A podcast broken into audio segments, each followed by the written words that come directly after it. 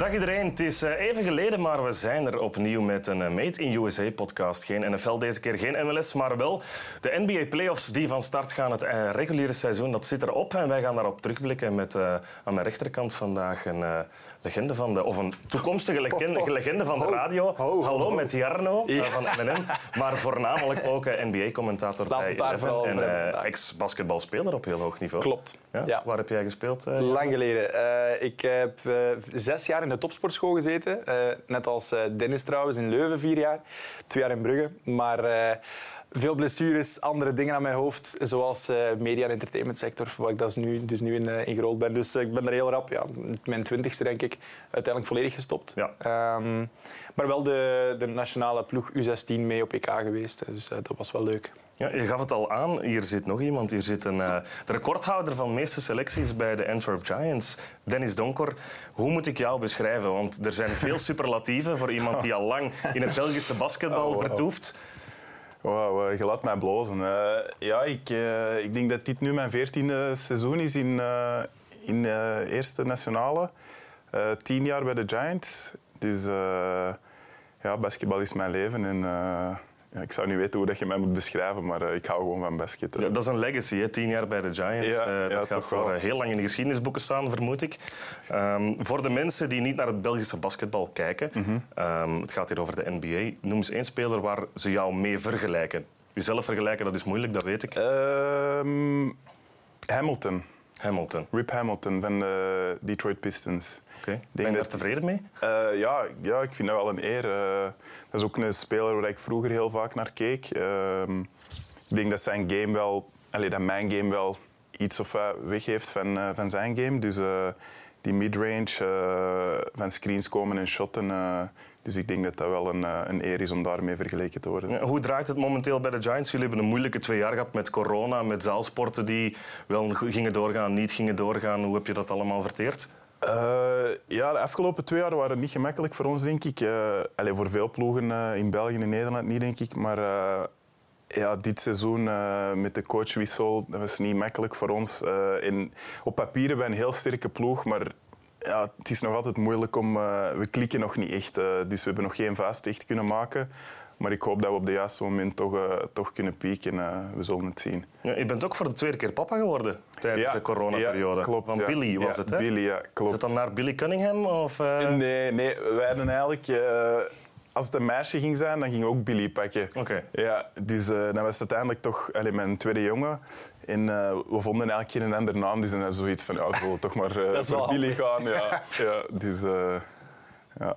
Volg jij het Belgische basketbal nog, Jarno? Uh, te weinig, eigenlijk. Ik heb al een paar keer gezegd tegen mezelf van ik zou terug moeten, zeker nu met de, de, de mix van België-Nederland. Het is iets dat ik wel interessant vind om te volgen, maar zo, mhm. er zijn zoveel dingen dat ik wil volgen en dan soms komt er zo tijd tekort om, om me er echt eens toe te zetten. Want ik kijk wel, als ik zo thuis zit s'avonds en er is een wedstrijd, hè, dan kijk ik wel eens, maar ja, dan ben ik er niet genoeg mee bezig om echt volledig mee te zijn soms. Ja, dat is het enige. Ja, tijd voor NBA heb je nog wel afgelopen zondag de NBA 360 becommentarieerd. Dat lijkt me een uh, hele hoop werk. Ja, dat was, dat was ook de eerste keer dat ik dat deed. En ik wist niet zo goed wat ik moest verwachten. Uh, want dat zijn dan vier wedstrijden op hetzelfde moment. Mhm. En dan switchen ze vanuit de regie van de ene wedstrijd naar de andere constant. En je moet zelf ook zorgen dat je mee bent. Hè. Dus, dus dat was voor mij echt zo even van, ah ja, oké. Want er waren ook heel veel blessures. Dus er waren heel veel spelers die, die niet per se veel minuten namen of zo. Dus je moet die dan allemaal kennen. En die moeten dan, ja, dus dat was wel even zo uh, wat zoeken. Maar dat was eigenlijk heel tof om te doen. Ja. Want niet elke wedstrijd was even interessant om te volgen. Dus dan was het heel makkelijk om te switchen naar de wedstrijden die wel interessant waren. Mhm. Dus dat was wel leuk. Ja, voor de opname hoorde ik jullie al een beetje praten over commentaar geven. Dennis Donker, je bent nog jong, uh, je bent nog fit. Maar uh, zit er een co-commentator in jou? Goh, uh, ik was net tegen Jarno aan het, aan het zeggen dat... of Jar Jarno. Jarno. Ja, aan het zeggen dat... Ik denk wanneer ik ga stoppen met professioneel basket, dat ik eventjes uit, het basket ga verdwijnen. En, dat dat toch wel heel veel vergt van u, ook mentaal en zo. Dus ik denk, maar wie weet, ooit in de toekomst. Uh, ja. Ja, over mentaal gesproken. Uh, ik heb jullie gevraagd om uh, voor deze podcast een aantal topics al voor te bereiden. De teleurstellingen, de hoogtepunten. Mentaal moeilijk. Zijn een aantal ploegen die het dit jaar hebben mogen verduren. De ik wil altijd beginnen bij het negatieve, de teleurstellingen, om dan onze weg op te bouwen Ja. naar eh, de positieve dingen. Ehm, ik ga bij jou beginnen. Ja. Dennis. Eh, jouw ja, teleurstellingen van het seizoen. Eh, de grootste is toch wel LA voor mij. Ehm, ik denk als je ziet wat voor een ploeg dat die op papier hebben staan, met LeBron, Russell Westbrook en dan nog AD, dat iedereen toch wel hoge verwachtingen had. Ehm, maar ja, zoals dat we hebben kunnen zien, zijn die niet, zijn die niet ingelost. Dus dat is wel zeker een zeer grote teleurstelling. En eh, ja, ik heb daar ook nog Atlanta bij gezet eigenlijk Oké.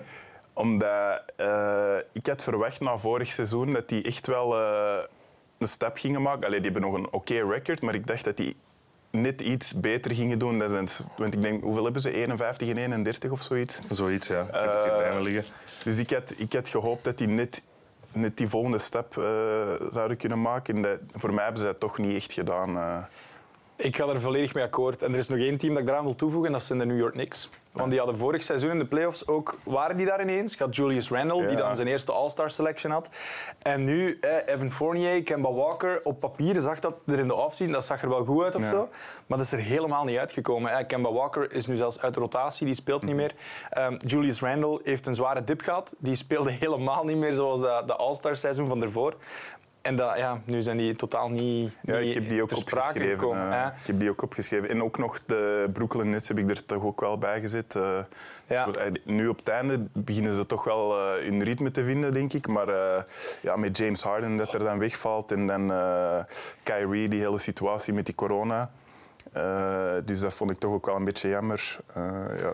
Ja, bij Brooklyn heb ik, heb ik het gevoel, ze hebben altijd het talent gehad, maar ze hebben ook heel veel opgegeven met die trade voor Harden van vorig seizoen.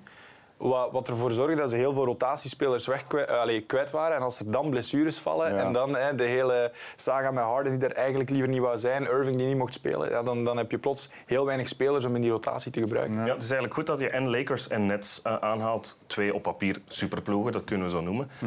Twee keer eigenlijk gefaald. Nets, dat valt nog net mee. Lakers hebben een groter probleem eh, momenteel. Ik wil eigenlijk de link maken, want eh, jij, Dennis, hebt in 2018 in de absolute superploeg gezeten bij de Giants. Tate, Paris Lee, Baco, monsterlijk goed. Ehm, wie, zat daar toen nog? Van Wijn zat erbij. Frens eh, stak toen zijn neus al aan het venster. Jij zat er ook nog bij. Daar is het wel gelukt. Wat maakt dan van zo'n ploeg vol individuen waarvan je weet iedereen individueel moet en wil daar de bal hebben? Want ze zijn allemaal individueel goed genoeg om het verschil te maken. Hoe maak je daar een ploeg van? Ik denk dat dat toch wel iets anders ligt, omdat ehm, die ploeg dat was samen... Allee, bijvoorbeeld als je naar de Lakers kijkt, iedereen wist al van... Oké, dit zijn allemaal spelers die, dat, die dat al iets bewezen hebben. Maar ik denk bij ons op dat moment dat dat allemaal spelers waren die dat... Bijvoorbeeld eh, Jay Sean Tate, die had eigenlijk geen ploeg in Europa. Wij hebben die in eh, Giants heeft een contract, een proefcontract van een maand moeten geven. Paris Lee, dat was zijn tweede jaar, maar het was ook niet dat al heel Europa eh, aan zijn mouw was aan het trekken of zo. Eh, Ismael Bako had het eerste jaar wel oké gespeeld, maar ook niet om naar huis over te schrijven of zo. Dus de mentaliteit van al die spelers was... Iedereen was nog echt hongerig en, en wou echt winnen en, en iets bewijzen. Dus ik denk eh, in dat opzicht dat dat wel goed lukte bij ons of zo. En dat dat gegroeid is. Ja, wij hadden ook geen ego's of zo, omdat niemand had echt al echt iets bewezen. En, en ik denk dat daar toch wel een groot verschil is eh, als je dan kijkt naar de ploegen zoals Brooklyn of, of, de- of de Lakers, dat die, die ego's, om daar zo mee samen te werken, ik, ik ben daar eigenlijk geen fan van, eh, van die superploegen. eh. Het, hetgeen dat, dat jij nu zegt, wat voor mij het meest opvalt, is dat je zegt, we hadden allemaal nog iets te bewijzen. hè. Dat waren allemaal jonge, hongerige gasten. En bij LA, ja, je hebt het tegenovergestelde. Hè. Die, die mannen komen in dat seizoen en de verwachtingen liggen hier. Ja. En om die dan in te lossen... In alle eerlijkheid, ik had nooit gedacht dat ze, dat ze finals zouden halen. Ik vond dat geen finals material, omdat ze te weinig balans hadden, vond ik, met jonge spelers en die, die ook wat tempo konden maken tegen andere teams, wat we dit seizoen ook effectief hebben gezien. Maar ik denk dat dat het grote verschil is. Hè. Ja. Dat, dat, wat je zegt, die hongerigheid van jullie waren allemaal spelers die, die, nog, die, die gewoon nog alles konden of zo, zo Ja. voor konden gaan. Ja. Bij LA is dat een heel andere zaak. Ja, Vogel is daar nu ook ontslagen. Wat Ja. moet er daar veranderen? Ja, ik denk, ik, er moet veel veranderen volgens mij. Want, want er wordt ook veel gespeculeerd eh, over LeBron James. Dat is iets dat wij nooit gaan weten in details wat er allemaal achter de schermen gebeurt. Heel veel schuld wordt op Russell Westbrook gestoken. Maar dat Ehm, heeft hij al heel zijn carrière. Hè? Dat het Ja, ergens slechter dat- uit dat hij er wordt uitgehaald. We hadden het erover met Steve Ibis op, eh, toen het All-Star Game was. Het ging al niet goed met de Lakers. Hè, en, en iedereen was Russell Westbrook dit, Westbrook dat. Maar Westbrook zijn stats zijn niet per se super hard gedaald of zo met het jaar ervoor. Het is gewoon, het is een heel inefficiënte speler. En hij werkt niet in elke rotatie gewoon. Dat is, dat is, Ja. dat is jammer, ja. Ik, denk ook, ik ben ook niet echt fan van de combo LeBron en, en, en Westbrook. Nee. Misschien iets te weinig shooting of zo. En, en ik, heb ook, eh, ik had ook een artikel gelezen dat, dat Westbrook het wel moeilijk had om, eh, om de bal niet altijd zelf op te brengen. Eh, en dat Vogel wel echt wou dat degene dat de rebound pakte gewoon een bal pushte. Push. En dat hij er wel moeite mee had. Dus, eh, Ja, ik vond het, ik vond het een, een, een rare keuze om ook keihard voor Russell Westbrook te gaan. Ik ga, dat, ik ga dat waarschijnlijk een paar keer herhalen, deze podcast. Ik ben nooit fan van, van eh, teams die heel veel rotatiespelers opgeven voor die ene ster. Nee. Zeker bij Brooklyn bijvoorbeeld. Gaat daar KD en Kyrie en die geven daar Jared Allen af om, om, om nog eenzelfde soort speler als Harden daarbij Ja. te pakken. Maar dat is gewoon te veel. Bij LA had ik ook zo'n beetje, ja, waarom Westbrook, allee, dat, is, dat, dat is niet nodig. Je hebt daar goede rotatiespelers, behoud die dan en bouw je core verder rond, rond LeBron en AD, wat toch de twee centerpieces zijn, denk ik dan. Maar goed. Ja, om dan de overschakeling naar de Nets te maken. Harden was daar inderdaad ook geen succes, zoals je zegt. Gewisseld dan voor eh, Simmons. Ook geen succes tot nu toe. We hebben wel een half uur voor de podcast begon binnengekregen dat Simmons zou gaan spelen. Game 4, 5 en 6 dat hij zijn debuut zou maken. Uh, maar effectief, daar heb je ook die, die, die ego's en daar zet je dan nog een ego bij. Ja, hoe doe je dat? Ik denk dat dat anders is. Toen ik, toen ik de, de, de Harden-Simmons trade had gezien, was ik eigenlijk best wel enthousiast. Omdat ik zoiets had van Simmons in Philadelphia, dat werkte niet. En volgens mij werkte dat grotendeels niet, omdat, die, omdat er daar dingen van hem verwacht werden dat hij gewoon niet is. Hè, Je hebt Embiid, die, die, die eigenlijk de, de ster was. En Simmons werd ook verwacht om, om 20 punten te maken en offensief. Maar dat is meer gewoon een playmaker, maar vooral een heel goede verdedigende speler. Als je daar rond goede scorers zet, zoals in Brooklyn nu het geval is met KD en Kyrie, dan, dan valt die druk gewoon van zijn schouders. Niemand gaat ooit nog zagen over het feit dat hij geen driepunter neemt, want Durant neemt er drie voor hem. Allee, snap wat ik bedoel? Dus dat is dat, ik denk dat Brooklyn voor, voor een speler als Simmons, met hetgeen dat hij nu het afgelopen jaar heeft meegemaakt, dat dat wel een goede fit kan zijn. En ik hoop dat ook. Ja. Ja, ik, eh, ik denk dat dat ook heel moeilijk was voor hem om bij de Sixers te spelen met Embiid. Omdat hij echt wel heel veel de bal eh eiste in de post. En ja, ook, ook weer met ego's, denk ik. Dat, wie is de man van de ploeg of zo? En ik denk, denk dat dat misschien nu, dat hij zich iets meer naar de achtergrond kan steken. Dat dat misschien goed is voor zijn vertrouwen ook. Ja. En dan mensen niet direct te veel verwachten, omdat KD en Kyrie daar ook Voilà. is. Dus ik denk misschien in die situatie dat hij dan toch wel misschien beter kan groeien of zo. eh, Ja, ik hoop het voor hem. zijn want- plek vinden. Ja. Ja, het is en blijft een talent, hè. Daar, Ja, daar bestaat geen twijfel over. Maar inderdaad, het, het, ja, het, moet, het moet kloppen. En dat merkte dan meer en meer in de NBA. Het is niet omdat je het talent hebt dat het er gaat uitkomen in, in, in dat team. Dat is situaties. Hè. Dus, eh, allee, ik merk dat ook zelf. eh, coach, het spelers rondom u, dat maakt Ja. echt zoveel uit. En Zal mensen wel. denken daar vaak niet aan, maar dat is echt cruciaal voor uw persoonlijk succes. eh. Ja, nee, absoluut. Dat kan ik Mogen heel we het woord situatie ook bij Zion Williamson gebruiken? Ja, Hij traint opnieuw. Ja. Hij heeft op Twitter een mooie 360 was al dunk. een dunken, ja. Ehm, dat is alles wat ik gezien heb ook van hem eh, de laatste twee jaar, denk ik, dunks. Wij allemaal, denk ik. Ehm, maar kunnen we daar het woord situatie ook bij gaan gebruiken? Het, dat hij nog niet heeft bewezen wat er van hem verwacht wordt? Goh, ik vind dat een moeilijke bij, want die, in mijn opinie die is gewoon gekwetst geweest. Maar de momenten dat hij heeft gespeeld, heeft hij wel laten zien eh wat dat hij kon. En om nu te zeggen van, eh, ja, dat is een bust, die is gewoon geblesseerd. En misschien, hij zal er ook wel een aandeel in hebben als je gezien hoe dat hij terugkwam eh, na de zomer, hoe overweight dat hij was. En, eh, en- maar, en- maar ja, zijn speelstijl is ook gewoon heel... hoe zeg je dat? Er ligt heel veel druk op je, op je joint en op je dingen. Dus dat is, een, dat is niet makkelijk. Maar om nu te zeggen dat hij eh, verwachtingen niet inlost, vind ik een beetje moeilijk. Omdat hij wel, toen dat hij speelde, heeft hij wel echt gedaan wat, dat, wat dat mensen wouden van hem of zo. Ja, ik vind het ook te vroeg om te zeggen het is een bust of, of eh, hij- lost de verwachtingen niet in.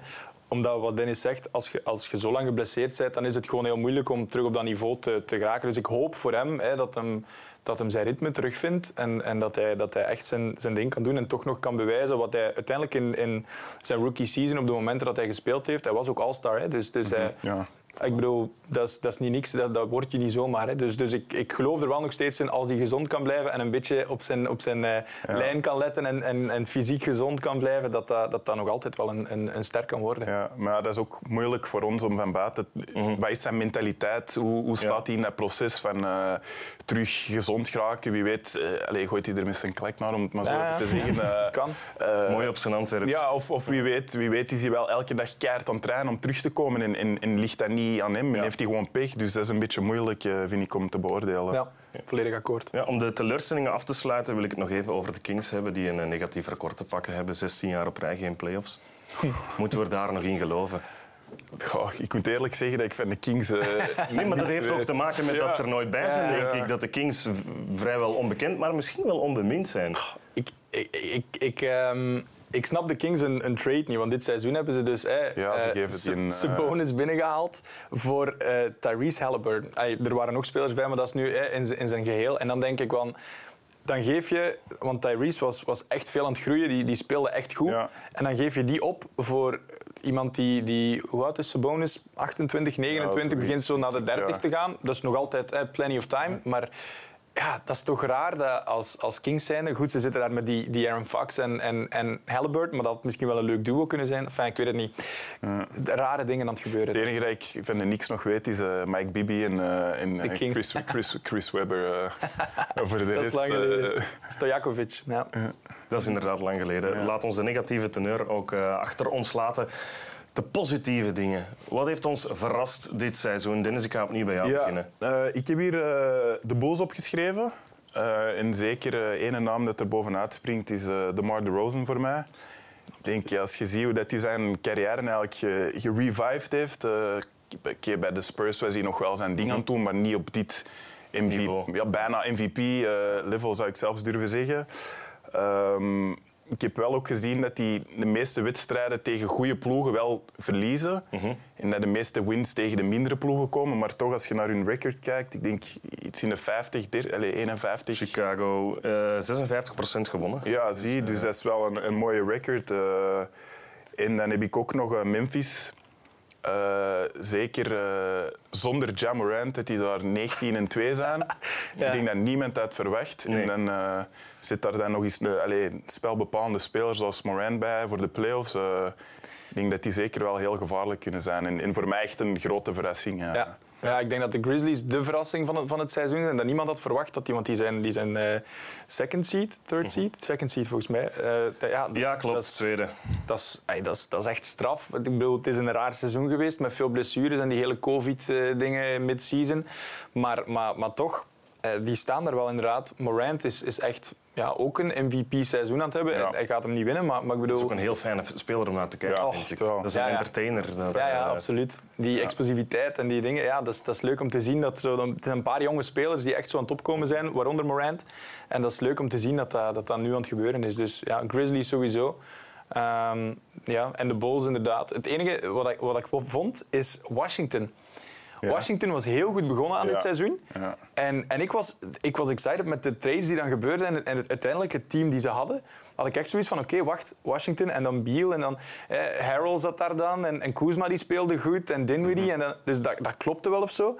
En dan viel Beal uit halverwege het seizoen en dan ja, was dat allemaal zo'n ja, beetje... dat was heel snel gedaan. En dan was dat ineens weer weg. Zo. Begin van dat seizoen stonden die in de top 8, top 6 en dacht ik van, oké, cool, wat is dat hier allemaal? En dan ineens weg. Ja, dat is wel jammer. Ja, ik heb de, de Raptors opgeschreven zelf. Ook. Omdat, uh, laat ons eerlijk zijn, na dat titelwinnende seizoen, Kawhi vertrekt, zakt het een klein beetje in elkaar.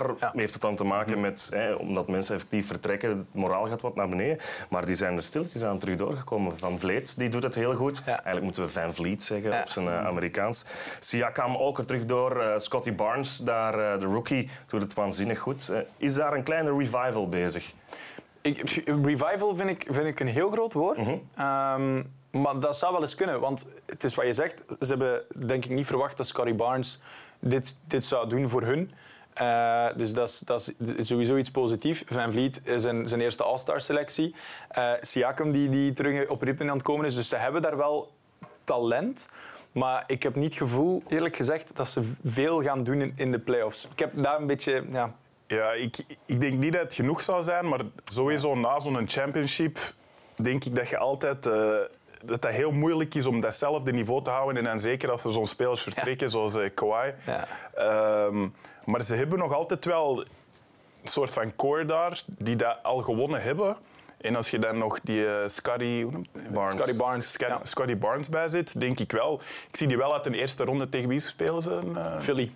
Ah, Eerste tegen ronde tegen Philly. Ja. Als, dat ja. lijkt me inderdaad ook Ja. wel vrij moeilijk. Daarom dat ik denk, ik, ik, ik ben excited voor Toronto en ik snap het. Maar de eerste ronde tegen een Nee, Embiid, dat- dat hoe zie ik niet het seizoen die hij aan het spelen is en als Harden, eh, dat is nog de vraag. Maar als hij ook gewoon op niveau is, dan gaat Toronto daar volgens mij niet veel Ja, tegen dat kunnen denk ik beginnen. ook niet. nee. Ja, ik wil nog even terugkomen op de Bulls. Eh, Nico Vucevic, eh Gilles Meulemans, onze commentator, Ja. is die gaan interviewen. Die had gezegd, we hebben het talent om iets te doen in de playoffs. Het is ook een halve Belg, daarom gaan we die ook interviewen natuurlijk. Ja. Ehm, hij gaat nooit voor België uitkomen, maar we gaan dat wel blijven claimen. Hij zegt, het talent is er. Lonzo Ball ja, is onzeker of gaat zelfs niet Gaat spelen. niet spelen, normaal gezien. Ah. Is het talent er bij de Bulls? We wachten toch al een aantal jaren tot dat de Bulls legacy zo terug een klein beetje begint te leven. Ik denk, ik denk dat, dat, dat het talent er wel is. Ehm, defensief eh, komen ze hier en daar nog een beetje tekort. Maar het talent, het talent, ik zal het zo zeggen, het talent is er, maar nog niet om, om all the way naar de finals te gaan. Voor mij het- belangrijkste voor, eh, in de playoffs is dat je op het juiste moment eh, piekt. Dus Ja. bijvoorbeeld net ploegen die net voor de playoffs goed zijn aan het spelen. Je ziet dat vaak dat dat momentum Ja. wordt doorgedragen in, eh, in de playoffs. Eh, ik weet niet exact wat ze op het einde van het seizoen hebben gedaan, maar ik denk dat dat niet super was. eh. Veel blessures ook. Ja. Eh, Caruso is dan zes weken uit geweest. Ja. De GOAT. Ja. Alex Caruso, de GOAT. En ook, ja, ik, allee, ik, ik heb dat al vaak gehoord en ik zie dat ook zelf bij ons. eh, talent hebben is één ding, maar er zijn nog zoveel andere factoren die, die bepalen eh, of dat je in de playoffs effectief kunt winnen. Ja. Dus eh, ja, ik, allee, misschien eerste ronde er wel door, maar ik zie die niet in de Eastern Conference Finals of Ja, zo. maar eh. opnieuw, het verhaal in het hele oosten, is, ik vind dat heel straf. Want Brooklyn komt uit tegen Boston. Dat wordt al een pittige matchup in de eerste ronde. Ja, eh, Chicago, goed team, hè, maar die komen uit tegen Milwaukee. Allee, ik bedoel, dat, Dat is zijn- geen cadeau ook. Dat is allemaal, maar, maar het is voor beide geen cadeau. Dus ik, dus ik denk, Ja. ja. in, in het oosten, volgens mij, er kan heel veel gebeuren. ja. Dus ja, moeilijk te zeggen. Ja. Ja, inderdaad. Jij sprak over talent en hard werken. En dan denk ik bij de Bulls, in de tweede ploeg aan één iemand. Frans Blijnberg, die is daar naartoe getrokken. Ja. In de G-League. Jij hebt nog met hem samengespeeld. Wat Ja. mogen we van hem verwachten? Ja, hij heeft, ik heb nu gezien dat hij net terug is van eh, Ja.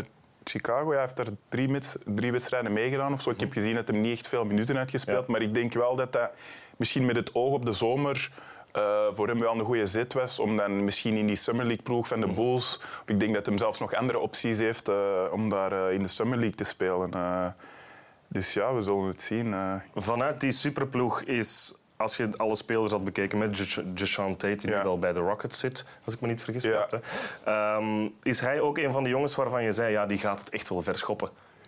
Eh, ik moet eerlijk zeggen, het heeft mij een tijdje geduurd voordat hij mij heeft eh, overtuigd. Maar die, hij heeft echt wel een klik gemaakt eh, doorheen de jaren. Van, in het begin zou ik niet zeggen dat dat een hardste werker was, maar eh, doorheen de jaren heb ik wel gezien dat hij een verandering heeft gemaakt in zijn hoofd. En ja, ook gewoon de tools die hij heeft en het talent, gewoon puur talent, is, is ongezien in België. Alleen in mijn opinie.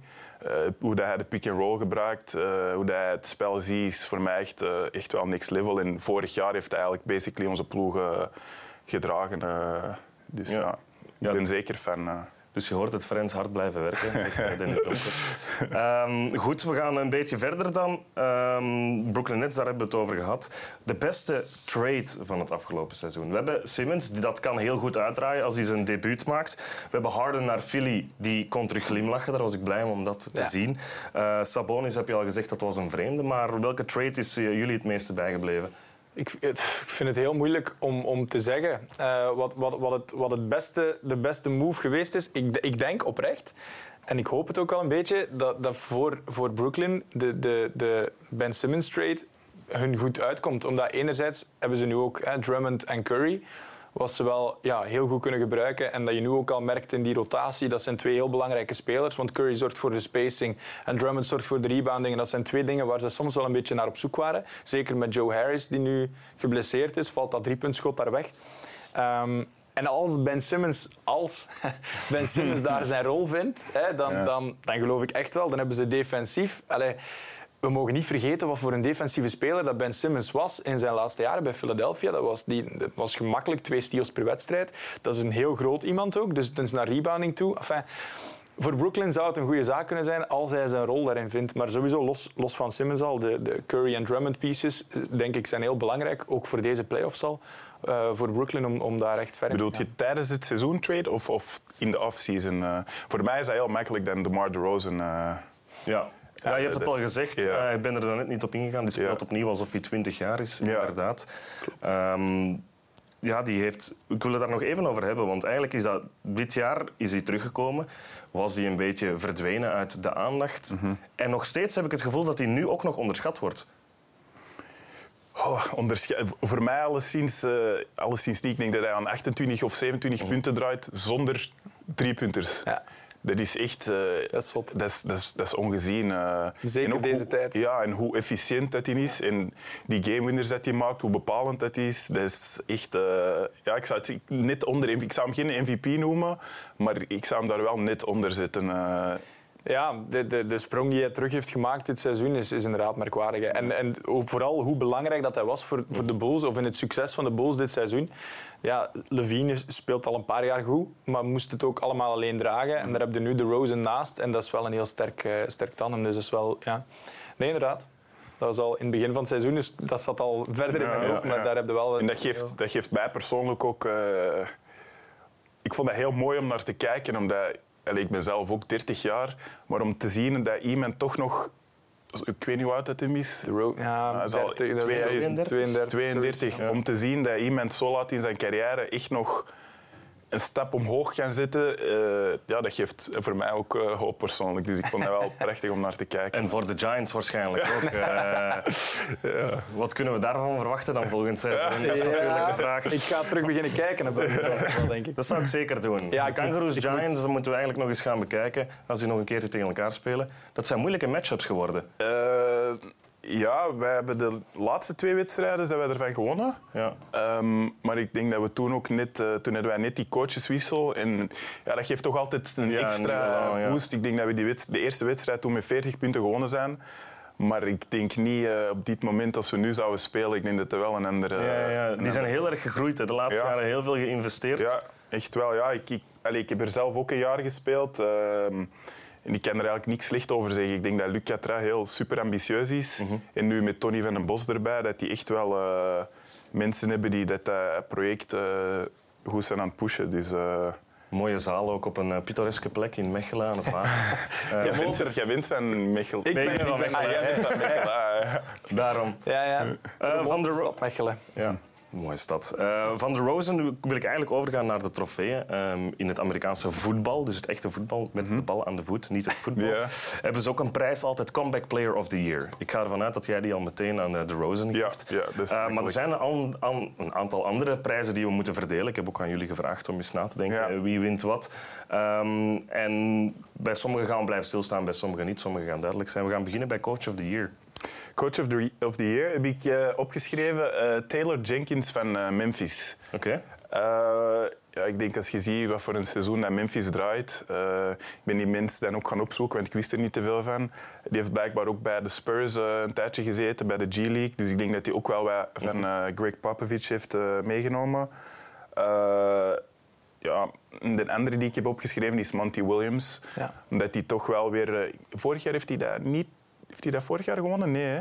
Ik weet het nu niet. Ik weet het ook niet. Ja, maar om, om toch terug te bevestigen na het, na het seizoen van vorig jaar, om, om dit jaar terug te bevestigen in eh, nummer, nummer 1 zijn die, in nummer 1 te staan in het Westen. eh, 78% gewonnen. ja, zie je, dus, Dat ik, waanzin. dus voor mij zou het naar één van die twee eh, Ja. uitgaan.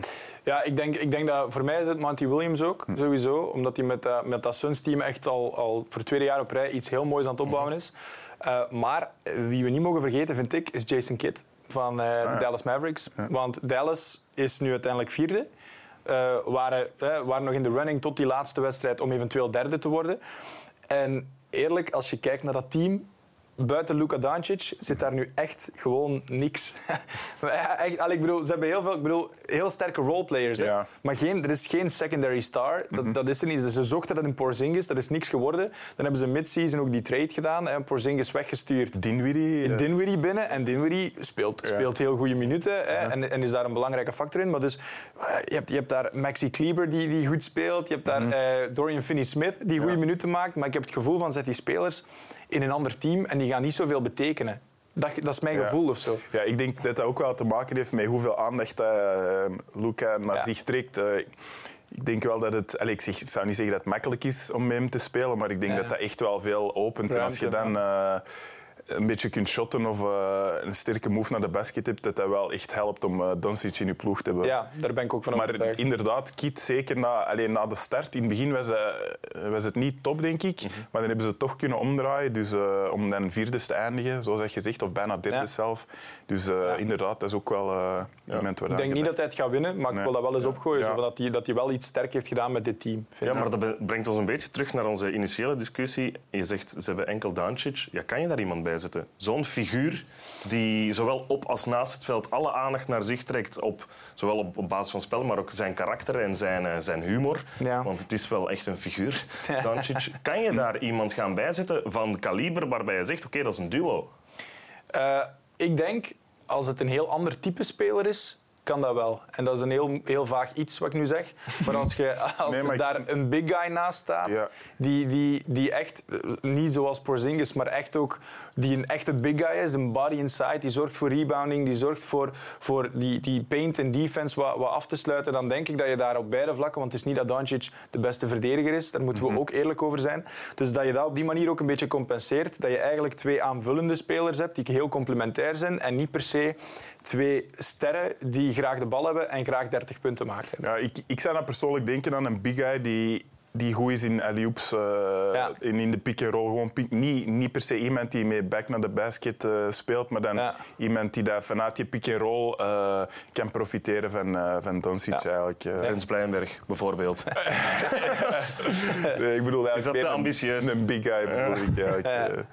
ja, nou Oké. big guy is een goede match. De volgende Defensive Player of the Year, in mijn ogen, kunnen we daarover gaan. Dat is opnieuw Rudy Gobert. En eh, kunnen we dat weer aan hem geven en naar de volgende award gaan? Of eh, zijn er andere meningen? Ik heb een andere mening. Oké, dat had ik eigenlijk Ik- wel verwacht. Ja, ik, ik, omdat... Ja, Gobert sowieso ver- verdient, zou het verdienen. Hè. Maar eh Michael Bridges vind, vind ik op dit moment van, van de Phoenix Suns... Die, die speelt zodanig belangrijke rol in dat succes van de Suns. Ik heb ook gekeken, dat is een, eh, een speler die heel het seizoen lang en de seizoenen daarvoor heeft Ja. nog geen enkele wedstrijd gemist. Dus hij is er altijd. En ik vind dat gewoon, dat is- je kunt er echt op vertrouwen en op bouwen. En dat is wat- precies wat Phoenix in de afgelopen jaren heeft gedaan. Het succes van vorig jaar tot in de finals. Misschien dit jaar eh, wel, wel iets meer. Hè. Je hebt daar Chris Paul en Devin Booker, DeAndre Ayton, uiteraard de grote sterren. Maar dat is het leuke aan Michael Bridges, is die loopt daar zo wat tussen of zo. Maar die speelt een, een, zo'n belangrijke rol, defensief. Ehm, dat ik wel vind Ja. dat hij daar niet, mag- niet mag vergeten Ja, worden. ik, ik vind dat een moeilijke om, om, om uit te delen, omdat dat niet per se altijd op statistieken te zien is. Je Klopt. kunt zeggen van, eh, oké, die heeft 2,5 bloks per match of zo, maar misschien is hij helemaal niet, misschien leidt hij de ploeg niet in defense of zo. Dus ik vind dat een beetje een moeilijke om, eh, om eh, uit te delen. Maar ik heb hier, eh, ik heb hier Marcus Smart opgeschreven. Ja. Omdat eh, ik denk dat Boston allee, dan toch op papier een van de beste defenses heeft. En eh, hij leidt die ploeg ook echt in defense. Die spreekt heel veel.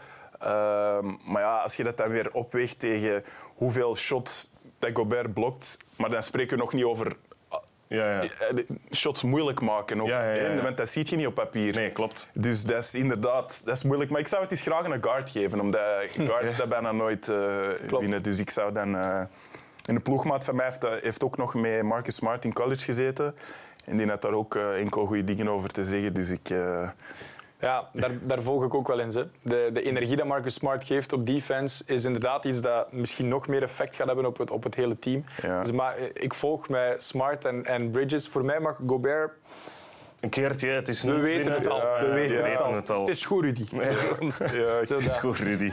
Ja, het zou zo uit het eiland kunnen komen, zo'n uitspraak. Eh, we gaan over naar de Most Improved Player. Ehm, ik heb daar net even opgezocht. Alle media outlets die een poll hebben gedaan, komen uit op eh, Jordan Poole.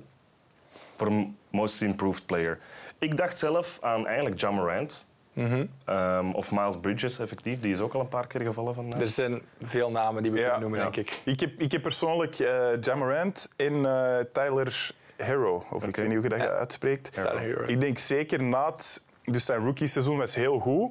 Maar dan vorig jaar is hij eigenlijk een beetje weggevallen. En zeker met die andere shotter dat erbij Duncan was. Robinson. Duncan Robinson. eh, en dan niemand verwachtte eigenlijk niet meer iets van hem. En dan dit jaar komt hij toch terug en dan average hij 21, 5 en 4 van de bank. Dus ik vind dat wel in een winning team, want Miami staat nummer 1. Ja, dus in ik vind dat echt wel eh impressive. Zeker als je naar vorig jaar kijkt, eigenlijk iedereen die basically was vergeten. Ja, en ook zijn game is ook helemaal... eh, in het begin was hij misschien enkel een shotter, maar ik vind, als je ziet hoe dat hij naar de basket gaat... Offensieve en dreiging. ja, dat hij echt wel heel veel energie brengt ook. Dus eh, voor mij is dat wel een outsider om dat te winnen. eh. Ik, ja, ja, ik snap u. Maar er zijn er heel veel dat we kunnen benoemen. Dat is wat ik net zei. DeJounte Murray vind, vind ik persoonlijk. Zeker, ja. Hij heeft Ja. de Spurs uiteindelijk nog tot die, tot die 10 seed gebracht. Is zijn eerste All-Star selectie dit jaar. Ik heb eens gekeken. Hij, hij maakt nu gemiddeld 6, 7 punten meer dan vorig seizoen. Ja. Hij is er eh, voor de Spurs. Dus, dus eh, ook zowel offensief als defensief een heel belangrijke rol. Dus dat is iemand die door in de jaren een heel grote progressie heeft gemaakt. Ja. Daarnaast Darius Garland bij Cleveland. ja, eh, Zelfs maar, niet aan gedacht. Ja, maar dus, Ja. er zijn er heel veel. Ja. Miles Bridges bij Charlotte, die, die komt ook uit het niets en speelt daarnaast LaMelo Ball eigenlijk een heel belangrijke rol, heel het seizoen lang. En dat zijn allemaal teams die zo wat... ja, tussen, ja, die, eh, in die play-in roteren, hè, tussen 10 en eh 6 zo wat, wat, wat zitten. Maar die, die hebben wel een grote, grote jump gemaakt met, met vorig seizoen. En, ja, maar ik zou het eerlijk, als ik één iemand zou moeten kiezen, ik zou dan misschien zeggen DeJounte Murray, maar het is niet dat ik denk van sowieso DeJounte Murray, want ja, Miles Bridges... Ja. eh, ja, die Garland dat je daar noemt, die is toch ook wel eh, Ah, ja. met uitvallen van die Sexton, dan, eh, die heeft die ploeg echt wel gedragen. Hè. Ja, want, want in het begin van het seizoen ging het voor, voor blessures en zo. Cleveland zat rond 4-5. hè. De- Die, die, waren, die waren daar echt mee Ja. aan het spelen. Dan wat blessures gehad. Nu ook weer Jared Allen die uitvalt. Dus, dus, dus dat is soms wat moeilijk geweest, denk ik. Maar Garland is daar misschien wel de, de, Ja. de, de centrale persoon. Ja. En dus ja, aan wie moet je het dan gaan geven? Ja, dat is, dat is inderdaad geen gemakkelijke. Ik ben blij dat ik de beslissing zelf niet moet maken. Nee, gelukkig. Eh, we onthouden wel wat jullie zeggen natuurlijk en dat eh, kijken we dan later naar. ja. Eh, je hebt Tyler Harrow al genoemd. Die wordt ook eh, ja, eigenlijk getipt voor Sixth Man of the Year. Ja. Dat was duidelijk, hè, denk Staat ik. vast. Ja. Dat staat eh, inderdaad vast. Dan kunnen we over naar Rookie of the Year. Scotty Barnes hebben we al genoemd. Ja. Dat is ook duidelijk waarom die genoemd wordt. Evan Mobley heb ik zelf ook opgeschreven van de Cavs. Ik moet eerlijk zeggen dat ik van de rookies niet veel, eh, niet veel weet. Maar die naam Scotty Barnes heb ik wel een paar keer horen vallen. Maar ik, Ja. allee, ik kan daar eigenlijk moeilijk over oordelen, omdat ik daar niet, niet te veel van heb gezien. eh. Voor mij, voor mij is het, gaat het tussen Barnes en, en Mobley sowieso. Ja. Er zijn mensen die Cunningham er nog bij rekenen. Maar ik vind, allee, Cunningham was, was het probleem. En dat, dat bij sommige rookies, hè, die komen in de league, die zijn de, de first pick en die, die, die worden opgehyped tot en met. En dan moeten die presteren. Het probleem met Cunningham is dat hij in een team zit die niet presteert. Ik denk dat Detroit hoeveel, eh, nog, nog net geen 20 matchen hebben gewonnen of, of iets Nee, dat zag er niet zo Allee, goed dus- uit. Eh, dat is- 23 hebben ze er gewonnen. Ja, 23 wedstrijden op een heel seizoen, dat is, pijn, dat is pijnlijk. Ja. Hè? En dan vind ik het makkelijker al om, om een bepaalde rol te kunnen aannemen als rookie. En zelfs nu is het niet dat hij eruit sprong of zo. Terwijl Mobley en, en Scotty Barnes, die, die oké, Mobley dan de play-in, maar Scotty Barnes playoff team. En daar spelen die een cruciale rol. En dan vind ik dat veel meer representabel als je naar een Rookie of the Year kijkt dan, dan Kate Cunningham, die qua statistieken en zo min of meer een, een gelijkaardig seizoen als de andere twee heeft gehad. Maar dan in een team speelt waar het Ja. veel minder Ik vind betekent. als je die Rookie of the Year eh, beoordeelt, dat... Allee, ik persoonlijk zou niet te veel naar winnen kijken, dan, omdat ik dat niet echt eerlijk vind. eh. Snap ik ook. Ook de situaties waar dat die inkomen, ik ben die zelf niet voor gekozen. Eh, die hebben ook nog niks te zeggen van ik wil een trade of ik wil die spelers. Dus die worden in die situatie gedropt en, en je moet het doen. En dan die Scotty Barnes heeft dan misschien iets meer geluk dat hij bij Toronto terechtkomt. Maar eh, ik denk, als je de tweede helft van het seizoen van die Cunningham bekijkt, dat dat Ja. toch wel eh, indrukwekkend was. Ook het ritme waarmee dat hij speelt, Ja. dat is een klein beetje, ik wou niet, niet zeggen helemaal Luka Doncic, maar het is een klein beetje vergelijkbaar, vind ik, hoe dat hij die pick and rolls gebruikt en die, die midrange. Maar begrijp me niet verkeerd, hè. dat is een goede speler. Hè. En, en eh, hij, hij staat sowieso in de top drie. Dus, Maar ik, ik heb dan zoiets van, als, als, je kan het maar aan één iemand geven, Ja. dan vergelijk je met... En dan zou ik denken, hè, want het, is, het gaat hem niet per se om win, maar dan denk ik wel van, als je in een team zit waar die druk veel lager ligt... Ja. En waar je ook veel meer ruimte hebt om de bal echt in je eigen hand te hebben, dan zou, zou, zou je nog meer kunnen gaan betekenen Ja. voor dat team. En dan zou ik kunnen zeggen, maar nu zijn die statistieken zo'n beetje gelijk. En dan vind ik dat het straffer is Ja. als je dat doet als rookie in een team die echt vecht voor die play-offs en voor die play-ins. Dat, allee, Ja, maar nee, ik snap nee, wat ook akkoord. wel gezegd, maar Nee, die heeft nee. een keigoed seizoen gehad. hè. Akkoord, ja. Ja. Ik, ja. Ik heb vooral eigenlijk de tweede helft van, van zijn seizoen. Ja, ja. In het begin was hij was een beetje teleurstellend, Ja. denk ik. Maar ik denk dat hij echt wel eh, een klik heeft kunnen maken rond, rond nieuwjaar of zo. Of Ja. ietsje daarna. Na de All-Star break vooral. eh. Ja. Dus, eh, maar ik ben, ik ben akkoord met wat je zegt. Ja. Ja. Dan de moeilijkste van allemaal. Ehm, ik wil het even de groep ingooien. Vincent Company die heeft er zijn gram mee gehaald dit seizoen in het voetbal. De play-offs gehaald, trust the process en bid. Gaat hij zijn gram halen? Gaat trust the process, na jaren dat er mee gelachen wordt, eigenlijk dat ze het zeggen bij Philly, gaat Joel Embiid zijn gram halen? Gaat hij MVP worden of wordt het toch eh Jokic of eh Janis? Is het wie ik, wie ik denk dat het gaat worden? Of, of allee, voor mij de MVP? Of Voor is- jou de MVP. Voor mij de MVP. Ja. Dan, dan zit ik toch eh, Jokic over eh Embiid. Ik En, niet. en mijn redenering daarvoor is... ehm, Jokic kan echt passen. En, en die kun je niet... Ja, en die kun je niet, die kun je niet dubbelteamen. Nee. En dat maakt je ploeg ook zoveel beter. Want als ze die dan toch gaan dubbelteamen, dan, en nee, dan benefit de ploeg ervan. En ik denk dat dat zit voor mij... Oké, ik kijk liever naar Embiid of naar andere spelers, maar puur dat voor mij is echt een, een dealbreaker. Ja, ik vind, het, ik vind het een hele moeilijke, want ik volg volledig wat, wat Dennis zegt. Eh, Voor mij is het ook, los van, van Jokic, Embiid heeft met Philadelphia geen makkelijk seizoen gehad. hè. De hele drama met Ben Simmons, ik denk dat we niet mogen onderschatten hoe dat, dat weegt op een team en Ja, op, op, klopt. op, op de sterspeler van dat team. hè. Maar Embiid is blijven presteren, speelt zijn beste seizoen ooit tot nu toe. Ehm, zelfs met Harden terug was dat nog een beetje zoeken. eh, maar, maar nu staan die uiteindelijk vierde. Die, die, ja, ik weet niet, die, die hebben door al die drama wel gewoon blijven spelen. En Embiid is daar de centerpiece in geworden. En ja, met zo'n statistieken. Van mij mag Embiid het winnen. Maar ik zou het heel logisch vinden mocht Jokic hem ook Ja. winnen. Dus ik vind het heel moeilijk om te pinpointen van dit of dat. Of... Ik heb er, ik heb er nog één, maar ik denk dat niemand eh, akkoord gaat zijn met mij. Maar, eh, Caruso. Nee, ik heb Devin, Alsjeblieft. ik heb Devin, gunt die man iets. Devin, Devin Booker opgeschreven. Ja, Ja, ja. dat Maar- begrijp ik. Om, maar dat is, dat is meer omdat ik echt graag naar Devin Booker Ja. kijk. Maar ik, ik snap, als je bijvoorbeeld Devin Booker weghaalt bij de Suns, gaan die nog altijd vrij goed zijn, denk Ja. ik. Maar als je Embiid wegpakt of Jokic, dan is het gedaan. Dus ik, ik snap wel dat, dat hij het niet zal worden. Maar voor mij persoonlijk, eh, die zijn nummer 1 seed. Ik denk zijn statistieken ook een van de beste uit zijn carrière. 27, 6 en 5 of zo. Ehm, dus voor mij persoonlijk, maar dat is, meer, eh, dat is meer omdat ik graag naar hem kijk. Ja, eh. dan wil ik er ook nog eentje aan Oké, toevoegen. nu En- gaat er iets komen. En dat is, nee, dat is Luka Doncic. Oké, Luka Omdat- Doncic. We hadden het daarnet over wat Jason Kidd met dat team gedaan heeft. Maar dat is natuurlijk ook heel veel te danken aan, aan het spel van Luca. Eh, nogmaals, hij heeft daar niet de, de pieces rond hem om, om echt iets, i- veel te gaan betekenen dit seizoen in de playoffs. Zou, die- zou je denken, maar die staan wel gewoon, gewoon vierde. En dan, dan vind ik dat Ja. Luca met zijn statistieken ook en het, hoe dat hij dat Dallas-team draagt, dat volledig rond hem is gebouwd.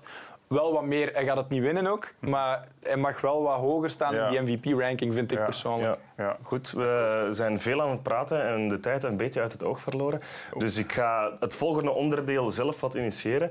Ehm, je kan via 11sports.tv slash NBA meedoen aan een soort spelletje rond de NBA playoffs. Kan je daar een bracket zelf laten invullen voor de playoffs wie uiteindelijk gaat winnen.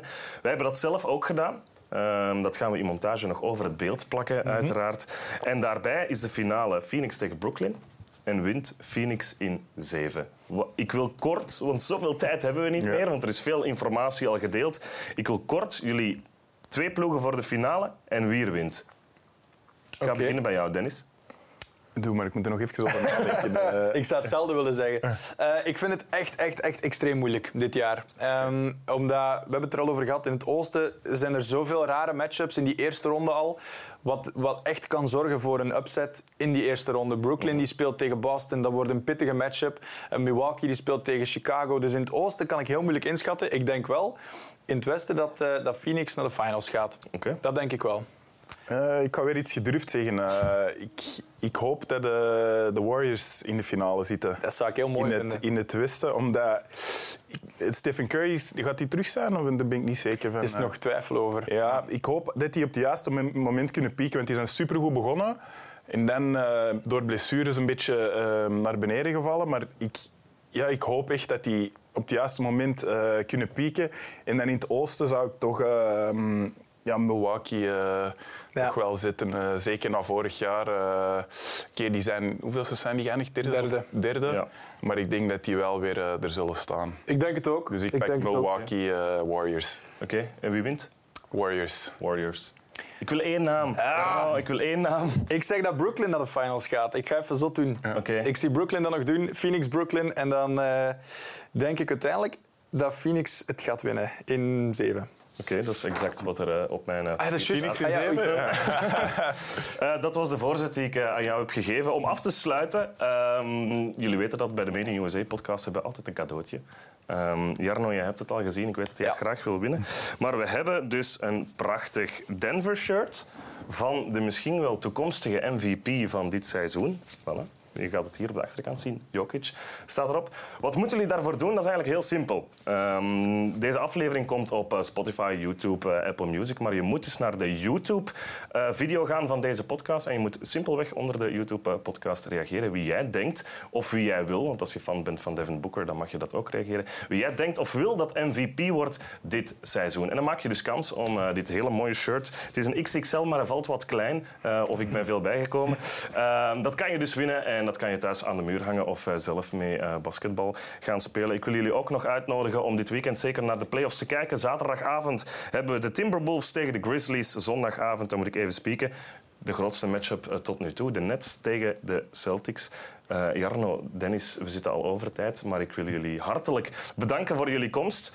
Jarno, jij moet nog eh, rennen nu naar de VRT. Ja. Hallo met Jarno, live eh, op M&M. Ehm, een beetje allee, reclame, concurrentie, dat, ja, dat moet kunnen. Dennis, jou wens ik nog heel veel succes. En laat ons hopen dat jij volgend seizoen een uh, DeMar DeRozan doet eh, bij de Giants Ja. en alles kapot speelt. Ja, dankjewel. We zullen het zien.